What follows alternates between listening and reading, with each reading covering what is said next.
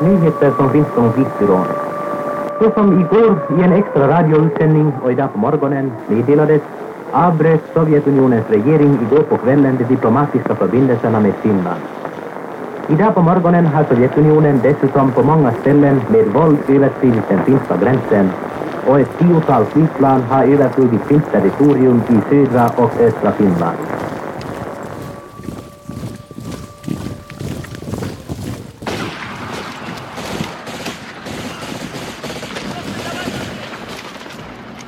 Var kaos. Man kunde höra kulorna vina. Men jag ville inte skada någon människa. Så jag siktade uppåt och sköt. Så skrev min morfars vän Holger Ahlgren i sitt rutiga häfte. Några år efter att gevären tystnat. Han skrev om 1939, när det var vinterkrig på östfronten och han var någonstans i skogen.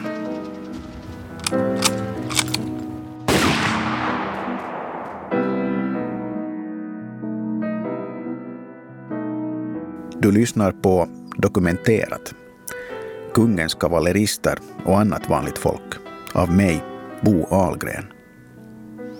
Det handlar om att vara historielös och hur det är att hitta sina rötter.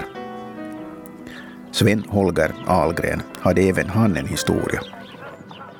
Även om få känner till den.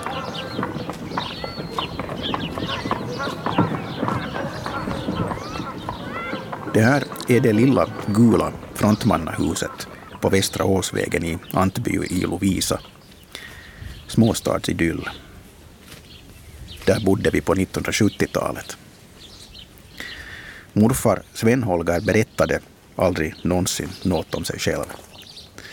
Det jag minns var att han varje fredag tog sin flaska Koskenkorva och satt på trappan till det lilla utelidret vi hade längre ner på gården. Där satt han bara tyst och drack. Vi andra, mamma, mormor och jag, visste att hålla oss borta och inte störa. Good evening. Annars läste han och såg på TV. Det första minne jag har av honom är att han utbrast. Nixon är en skitstövel. När han såg på TV-nyheterna.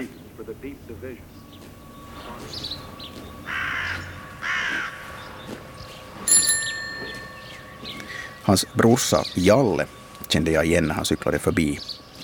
Men han brukade ofta vara full och vi brukade ha dörren låst när han ibland kom förbi. Jag minns morfars mamma Olga. Hon var väderbiten och gammal och bjöd mig alltid på samma slags chokladstång och gul jaffa. Jag köper fortfarande samma chokladstång ibland för att det känns bekant. Och det för mig tillbaka till en bra tid.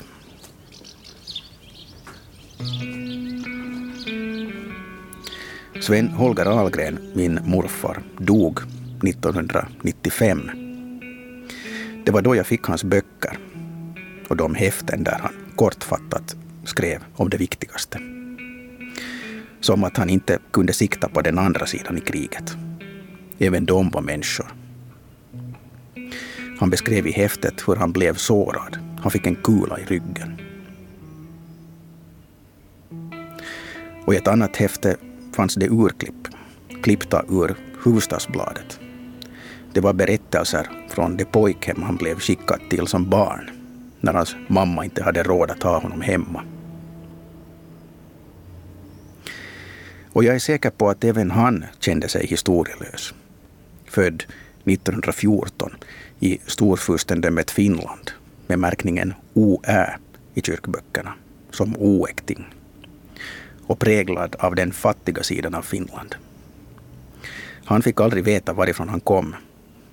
Inte vi andra heller. Den historien kom fram först långt senare.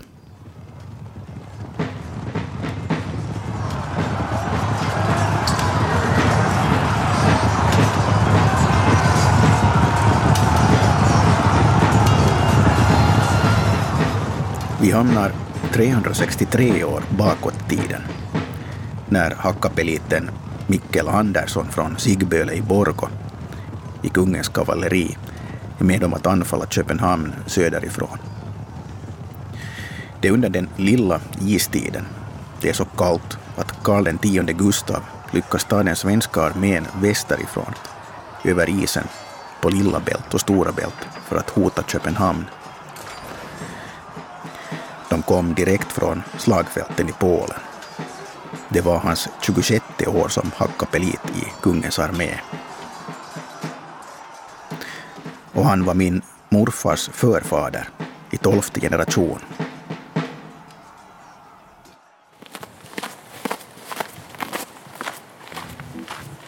Nå hej, det är Bosse här. Ja, det var det. Ja, ja, vi ses. Ja, hej, hej.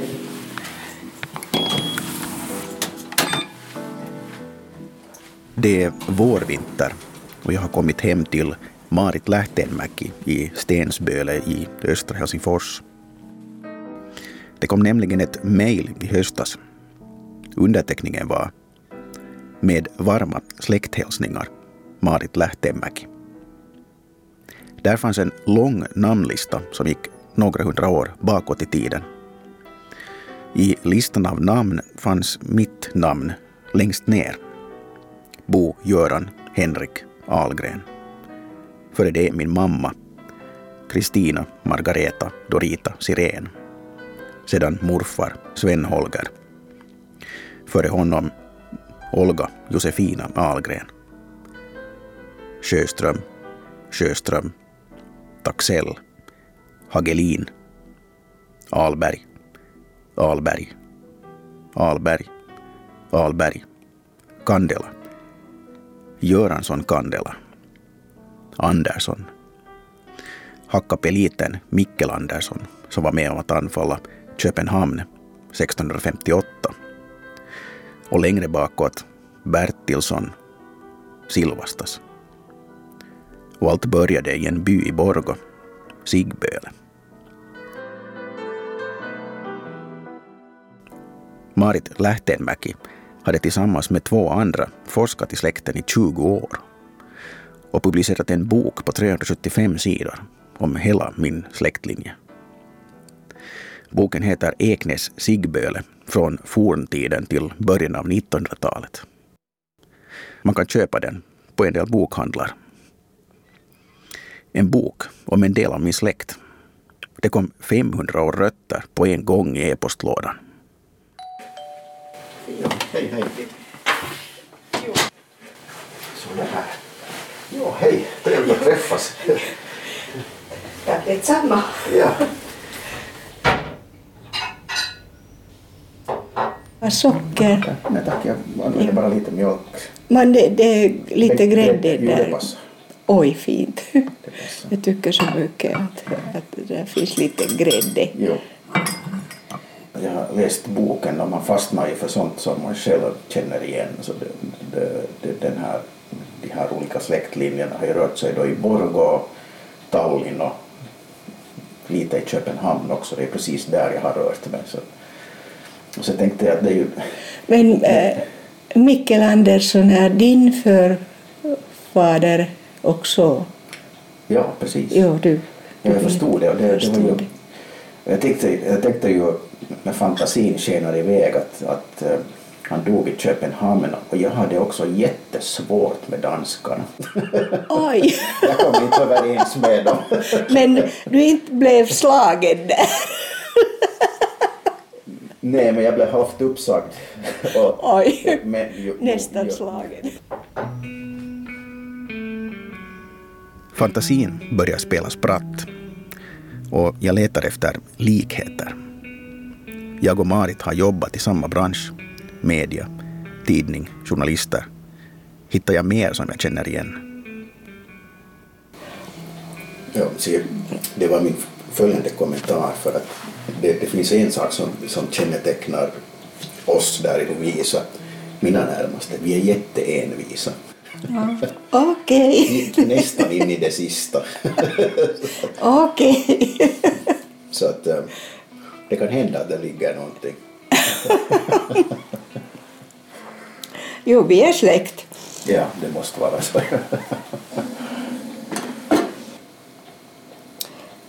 En gång, det var eh, för länge sedan, kanske 20 år sedan, när vi var flera släktingar i Nationalarkivet på, samtidigt. Och vi gick för att dricka kaffe där uppe. Känner du? Jag har varit där ett par gånger, jo. Aha.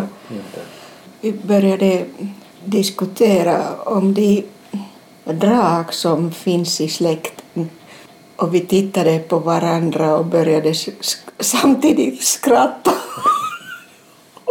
och någon av oss sa det att jo, typiskt är det otaliga oäkta barn och många domar för olaglig brännvinsbrännande. Just det, ja. Och vi alla konstaterade jo, det var just detsamma som vi tänkte. Envishet, det, det, det också. Jo. ja. Vi sitter vid köksbordet och jag tycker att vi har en kontakt som för mig är helt ny. En ny släkting, om en rätt så avlägsen. Hur ska man ta sånt? Det är säkert en enkel sak för dem som har haft klart för sig flera hundra år av generationer. Men det här är annorlunda. Och det känns som om Marit, som känner släkthistorien, som att hon känner mig bättre än vad jag känner mig själv. Lite kusligt, nästan. Vi sitter och talar i fyra timmar i ett streck. Om allt och om vad som helst. Och vi skrattar hjärtligt. Vi talar om det enorma jobb Marit har gjort med släktutredningen, som i dagens läge har hållit på i 30 år. Och om boken hon, Johan Brandt och Kurt Ahlberg har skrivit om den by som är ursprunget för vår historia i Finland. Det som ledde till att hon ringde min mamma och att jag fick hela historien i e-posten. Det var nog journalistens nyfikenhet som fick Marit att dag efter dag, år efter år, sitta och gå igenom gamla dokument för att komma släktingar sedan flera hundra år på spåren. Boken har otaliga livsöden. Till exempel bröderna Måns och Mårten Eriksson som på 1500-talet var kungens kurirer i östra Finland, Karelen och Ingermanland. Det fanns bönder, borgare, handelsmän och krigare och allt annat. Jag fastnade genast för Mikkel Andersson. Han måste ha varit med om fruktansvärda strider under sin 26-åriga kavalleristkarriär. Hur orkade han? Och vad allt var han med om? Man kan inte låta bli att fundera på hur det gick till under det 30-åriga kriget. Kanske till exempel efter ett blodigt slag och total seger någonstans i norra Tyskland. Mikkel var ett tag placerad i befälhavaren Torsten Stålhandskes livgarde. Stålhandske var ökänd och hård och skoningslös. De andra officerarna bland hackapeliterna var likadana. Känslorna hade blivit lämnade hemma för länge sedan och försvunnit någonstans på slagfältet. Mikkel kan ha böjt sig ner över en soldat som låg på marken med de andra som fått sätta livet till. Men det verkade som om det trots allt fanns lite liv i den här. Ryttarkorpralen som gick ett stycke framför märkte att Mickel tittade på soldaten och ropade högljutt att sticka svärdet i fienden. Låt den komma hem bara, sa han. Mickel tittade lite närmare och märkte att soldaten kisade en aning mellan ögonlocken. Han levde nog, men hur länge? Mikkel drog svärdet och körde det hårt i marken så att det missade soldaten med en hårsmån och tryckte till och drog tillbaka svärdet och fortsatte genast framåt. Ryttarkorpralen var nöjd och fortsatte även han. Mikkel från Sigböle fick ibland nog av allt dödande. Det var många som nog hade märkt det redan under årens lopp. Det var antagligen därför han aldrig blev befordrad. Så där kan man föreställa sig om man läser mellan raderna.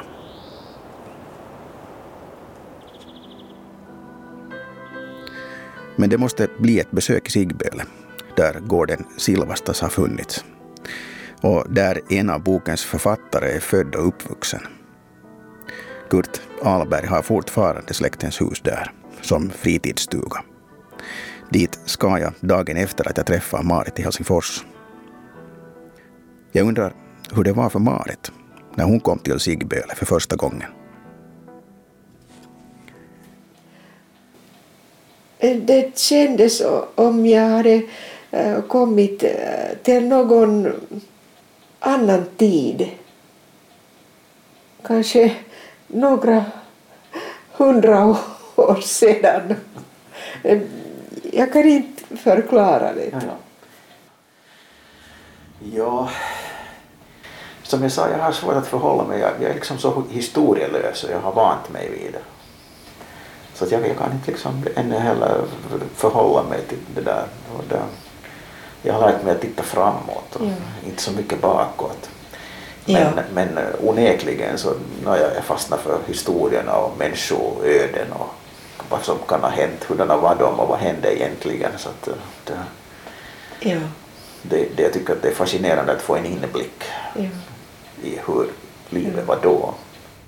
Men eh, det skulle vara mycket intressant att höra hur det gick med den, den resan imorgon. Jo, just det. Hur ja. kändes det? Absolut, jag ska säga till sen. Jag ska säga till sen. Ja. ja.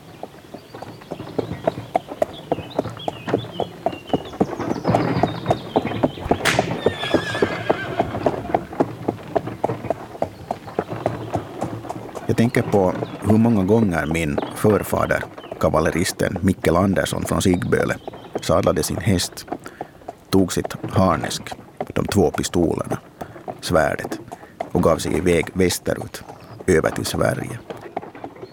Hela vägen ner till södra Sverige och vidare till slagfälten i norra Tyskland och Polen för att sluta sig till Torsten Stålhandskes regemente.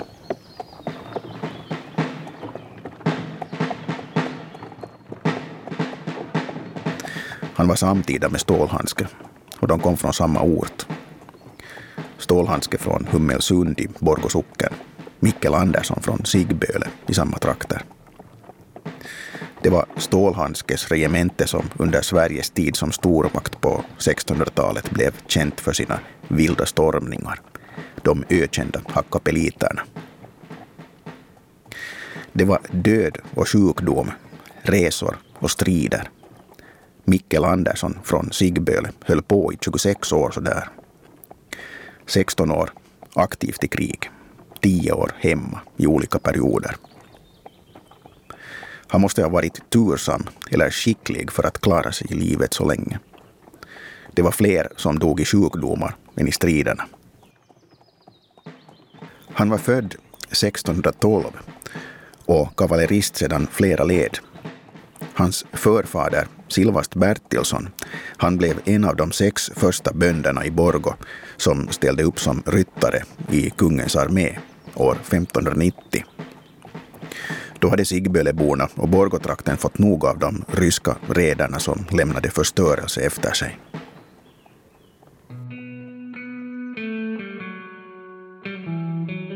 Och egentligen gjorde morfar samma sak. Försvarade hemknutarna. Jag har svurit eden att göra det vid behov. Ingenting är nytt under solen, nej. Jag tar bilen till Sigböle som ligger ungefär 17 kilometer nordost om Borgå centrum. Jag ska träffa Kurt Alberg och Gun Nyström. Kurt är född i Sigböle och han är en av författarna till boken jag försöker komma överens med. Och vi har gemensamma förfäder som levde i byn för några hundra år sedan. Det är en röd liten stuga som numera är ett fritidshus och med en liten trädgård. Två rum och en stor och gammal vedeldad spis. Vi sätter oss ner för att prata om vad vi har gemensamt. Nå, vad skulle du säga, är, är, är vi släkt? Nå, inte ska jag nog uppfatta det riktigt som släkt så här långt tillbaks. Men det är klart om man går och tittar på gener och sånt så kan man troligen nog hitta någonting som är gemensamt. Jag som är historielös, så jag, jag måste ju erkänna att inte känner jag ju att jag har rötter här. Nej, knappast. Men, Knappast. men, men visst, liksom, men jag, tyck, jag tycker att det är fascinerande att läsa, läsa om liksom livsöden och människoöden och, och hur, det har gått under, under århundraden, århundradenas lopp. Så Det är klart att historien och det, man kan ju säga att inte här nu så, den här byn har nog funnits med i historien ganska länge. Där till exempel finns det en här från byn, en, en ryttare som var med och tågade över Stora Vält till, till Köpenhamn. Jo, Det har du kanske sett Jo. där i boken. jo, Mikkel Andersson. Ja, Jo, och han var ju härifrån Silvastas. Och det här är, det här är Silvastas gammelstu det här. Och så fanns det Silvastas nystu och så var det ännu lillstugan Silvast. Och jag tror att din släkt är från lillstugan. Jag har satt upp lite foton här från gamla tider här på väggarna. Ja, som visar lite hur det var. jo. Det är 30-talets. jo. Det är nog släkten. Du känner Jo, det, alla som finns på byn? no, stort, jo, Ja. jo, det är, det är släktingar hela vägen nästan. Det är min mammas kusin som sitter där nere med grammofonen, kona. Min det är nog jättevärdefullt att ha sådana här bilder. Från en sån De är förstorade från små foton. Så nu har du lite släktingar där också för det är många Alberga på den där bilden. Ja, just det. Tänka sig. Så att de hänger här på vår vägg här. och där är min mamma där i landet. Det. Det är ju här från det här huset och där på den där stallet och fähuset. Så nu har du släkten på väggen. Sig. Tack för att jag fick komma och titta på Ja, det. då får, får du komma in en annan gång också. Jo, ja. Och bara smakar. Om det passar. jo det, Där är min morfar där till höger om den där för klockan. Höger. Det var han som var i ryska militären. Sarskoje Selo. så det där är ett 1800-talsporträtt. Ja, ja. Sen har det nog bara alla varit ute och krigat i, i Danmark. Det, finns mycket annat Men det också. finns sådana små liksom, saker som ingen annan känner till bara. Den som nu har lite vet om det. Just det. Och det är få människor. Det får jag. Det, så är det ju. Det. Nej tack. Jag, jag har slutat med socker helt. Ja, så har du lutat med sockret. Har du lutat med brännvin också? Så gott som ja. Barn, det blir nog inte något av det. inte. Ibland undrar man ju. Men om du nu har vägar hit förbi så kom nu och hälsa på. Ja, absolut. Vi ska hålla kontakt. ju min tel- telefonnummer kanske jag kommer ihåg. jo, Och nytt igen. jo, vi har ju telefonnummer och, och e-post och Ja, allting så att ja, det är trevligt att få komma hit och träffa er. Det, det går bra att komma hit. Vi brukar vara här på somrarna men vi får nu se hur det blir.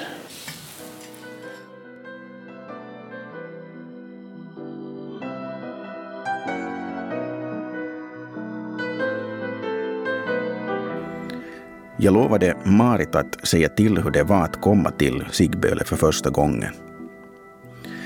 Hur var det? Det var 375 sidor i en bok som leder till en by. Och det kändes som att träffa nya vänner som kallar en för anförvant, som Kurt.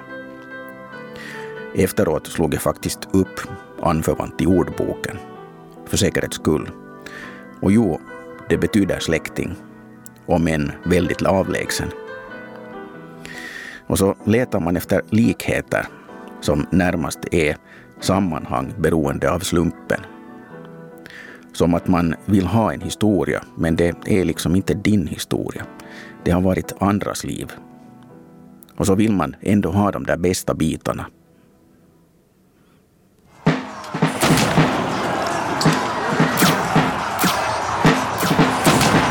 Kulan ven alldeles vid Mikkel Anderssons högra öra när han försökte ta sin häst framåt bland oordningen omkring honom. Han kände en viss tillfredsställelse att vara så nära det sista ögonblicket. Det hade blivit en aning kaos när den svenska armén hade kommit ungefär 10 kilometer från Köpenhamn. Tre danska kompanier försökte i ett desperat och dåligt arrangerat bakhåll med kanoner och avancerade fotsoldater och musköter att bringa oordning i den 7000 man starka, erfarna svenska veteranarmén. Och konstigt nog lyckades det, åtminstone för tillfället.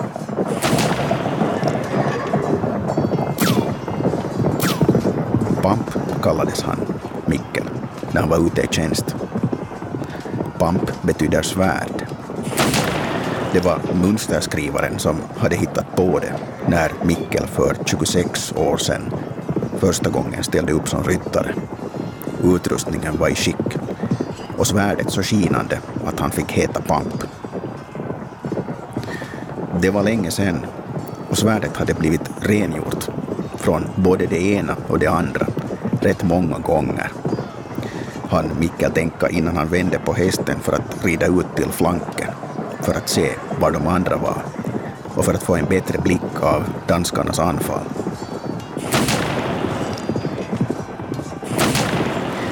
Han han svära för sig själv över att regementschefen Torsten Stålhandske inte längre var med. Stålhandske hade dött 14 år tidigare i sviten av skador han fått i ett annat, annars lyckat anfall mot Danmark. Stålhandske må ha varit själva definitionen på envishet. Men han lämnade aldrig högra flanken så fri för anfallande fiender, tänkte Mikkel medan han piskade hästen att ta fart. Precis då träffades hästen av en förlupen kula och han kände hur den tappade styrkan under honom. Och så kände han hur det slog till i honom själv. En annan kula hade av en slump hittat rätt den här gången. När Mikkel träffade marken var han redan borta. Han hann inte ens känna frid över att det var slut.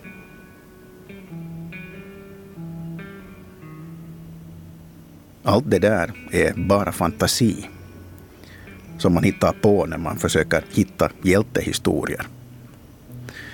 Verkligheten kan ha varit någonting helt annat. Ingen vet hur kungens kavallerist Mikkel Andersson dog i Danmark. Det finns bara en rad skriven. Slagen före Köpenhamn, 30 januari 1658. Ingen vet om det ens är rätt datum för anteckningarna gjordes under kaotiska förhållanden. Mer skrev man inte heller om dem som red i ledet bland annat vanligt folk. Jag tänker att jag är ute på en liknande åktur som min morfar tog mig på ett par år innan han dog. En åktur till det förgångna. Jag körde och min mormor och morfar satt i baksätet.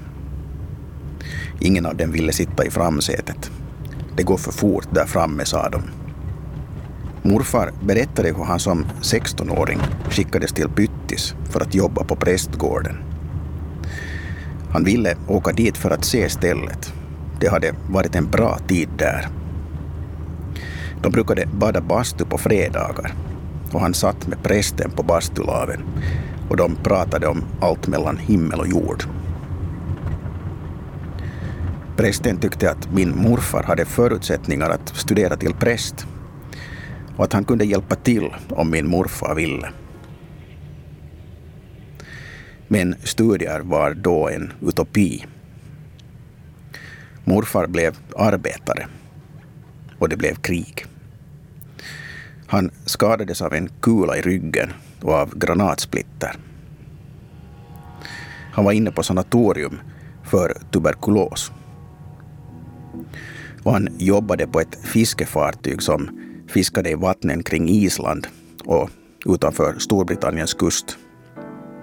Han hade en tatuering på armen med fartygets namn, SS Brita. Vi brukade skämta att det var tur att han sedan gifte sig med Brita. När rederiet slutade jobbade han på den lokala sågen tills även den lades ner. Och han pensionerades från ett jobb som övervakare på stadens soptipp. Pensionärstidens bokhylla var fylld av böcker om andra världskriget och om naturen. Det här är nästan allt vi vet om Sven Holger. Han skötte sitt jobb.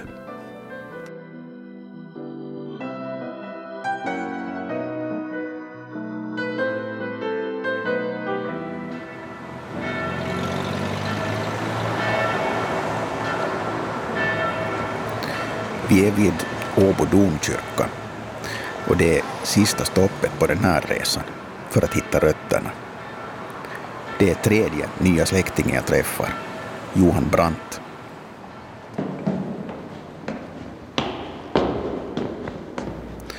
Vi tar oss upp för trapporna till vindsvåningen ovanför sakristian för att kunna sitta där och prata i lugn och ro. Johan valde platsen. Det finns rum att sitta säkert med tanke på pandemin vi har. Och Johan är aktiv i församlingen så det är hans hemkyrka. För det första kommer vi snabbt fram till att vi har vuxit upp ungefär 500 meter från varandra, i Lovisa. Vi är nästan i samma ålder. Och så 50 år senare sitter vi och talar om gemensamma släktingar i Sigböle. Johan blev satt i finsk skola, jag gick i den svenska skolan, så vi kände aldrig varandra. Och vi levde på olika sidor av åsen i Lovisa, en sandås med tallträd. Johan kunde utan till sina släktingar i femte led och vi på andra sidan åsen hade en helt annan bakgrund. Johan är historiker, egyptolog och släktforskare. Och jag ville veta vad han tycker att en släkthistoria har för betydelse egentligen. Ja, det, det där eftersom jag också har varit alltid så där väldigt... Jag började studera som jag sa allmän historia och har försökt fördjupa mig också i historiefilosofi. Så för mig berikar det nog mitt liv att på det sättet att för det ena så ser jag ju att, att det finns gemensamma saker som människorna i alla tider har gjort. Men formerna kan vara lite olika och det ger ju oss en sån där spegelbild. Va? Vi kan liksom spegla oss själva i och märka att det där, hitta någonting i oss själva också, sidor. Att vi behöver ju alltid den där spegelbilden, tycker jag åtminstone. Därför är det ju så intressant att läsa om andra öden. Att hitta dem där, vad är gemensamt och vad är annorlunda. Jag märker ju den där spegeln. Jag, jag känner av den precis som du förklarar. Mm. Jag försöker hitta gemensamma nämnare med, mm. med dem jag läser om. Och, och jag tycker ju mig hitta. Men man speglar sig liksom i mänskligheten har jag tänkt mig. Jo, jo, inte det med sådär med individer att, att nödvändigtvis inte kanske någonsin tänker eller tycker att det identifierar sig mera med någon viss person. Men, att, mm, men det är nog, jag tänker också lite likadant att med mänskligheten. Det, det, här är, jag måste ju erkänna att det här, det har liksom blivit mer konkret för mig nu också. Ehm, sen jag diskuterade med Marit också det där att, jag upplever ju att åtminstone den släkt jag känner att vi är ganska bångstyriga och envisa till en viss del. när jag tänker på mina Grävnäs anor så oj oj så envisa. Oh, oh. Kanske det är också ett drag som, har, som, som människan är tvungen att ta till för att överleva. Så det... Det, det tror jag nog också. Ja. Eh, sen, tänkte jag nog också att det som det är nog lite så att man fastnar kanske för vissa anor, att vi har ju jättemycket anor och det börjar ju gå åt olika håll redan från våra föräldrar oftast. Att, att, att det där. Mina anor kommer ju inte enbart från, från östra Nyland. Att det, där det var just det där som du också sa, att hela mänskligheten, att därför liksom håller jag med ganska mycket på det där eftersom jag har ju från väldigt olika håll sen anor. Och vi talar om rötterna. Johan har haft dem hela tiden, medan man väl kan säga att jag är, eller har varit, rotlös. Nu har vi gemensamt det som finns i boken han har varit med om att skriva. Vi har hittat det gemensamma där vi sitter vid bordet på vinden i Åbo domkyrka. Och rötter kan till och med vara ett botemedel, som Johan lärde sig under studietiden i Tyskland. Och det är just det där också att man liksom med släktforskning att jag har också liksom mera det där att vara är mina rötter, att man har liksom rötter i jorden någonstans, att det där som man säger att på finska, jag vet inte vad, finns det ett svenskt ord, att madoittua, att man har något fast. Jag har förstått det också genom en sjukdom jag det där i Tyskland. Uh, borderline hette det ju på, i borderline. Och det är ju en sjukdom där man just att när man inte har de där, den där känslan med rötter, att det är en del av den där sjukdomen. Det är ett mycket komplext men att det, det hjälper när man liksom ger den här patienten eller den personen då liksom försöker. Det är en del av det där. Och nu när du säger det här, alltså det här är, det, det är jätteaktuellt för mig. Och sen den här boken, den liksom på, på, på, på något vis fick mig mer fokuserad. Att det liksom, och sen tänkte jag, har det någon betydelse? Men, och jag kan inte säga vilken det har, men jag känner ju att det har. Inte konkret, men någonting gjorde det i min hjärna, den här boken, måste jag säga. Aha, det var trevligt att jag, jag kan inte riktigt säga vad det var, men det var just den här, vad du säger, den här historielösheten som jag haft, det har lite stört mig. Mm, okay. Det har fattats en pusselbit. Ja, ja. Varför, det kan jag inte säga. Ja, ja. Men kanske jag var den där patienten som behövde just den här historien ja. där för att få det att fungera.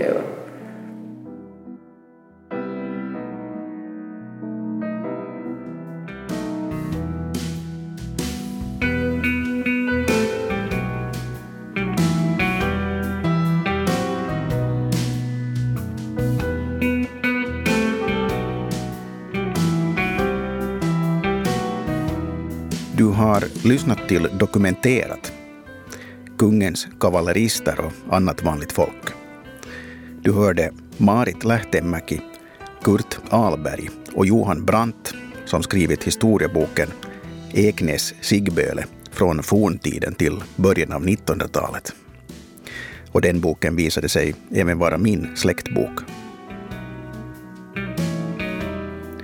Jyrki Häyrinen stod för ljuddesign och klipp. Producent Staffan von Martens och jag heter Bo Ahlgren.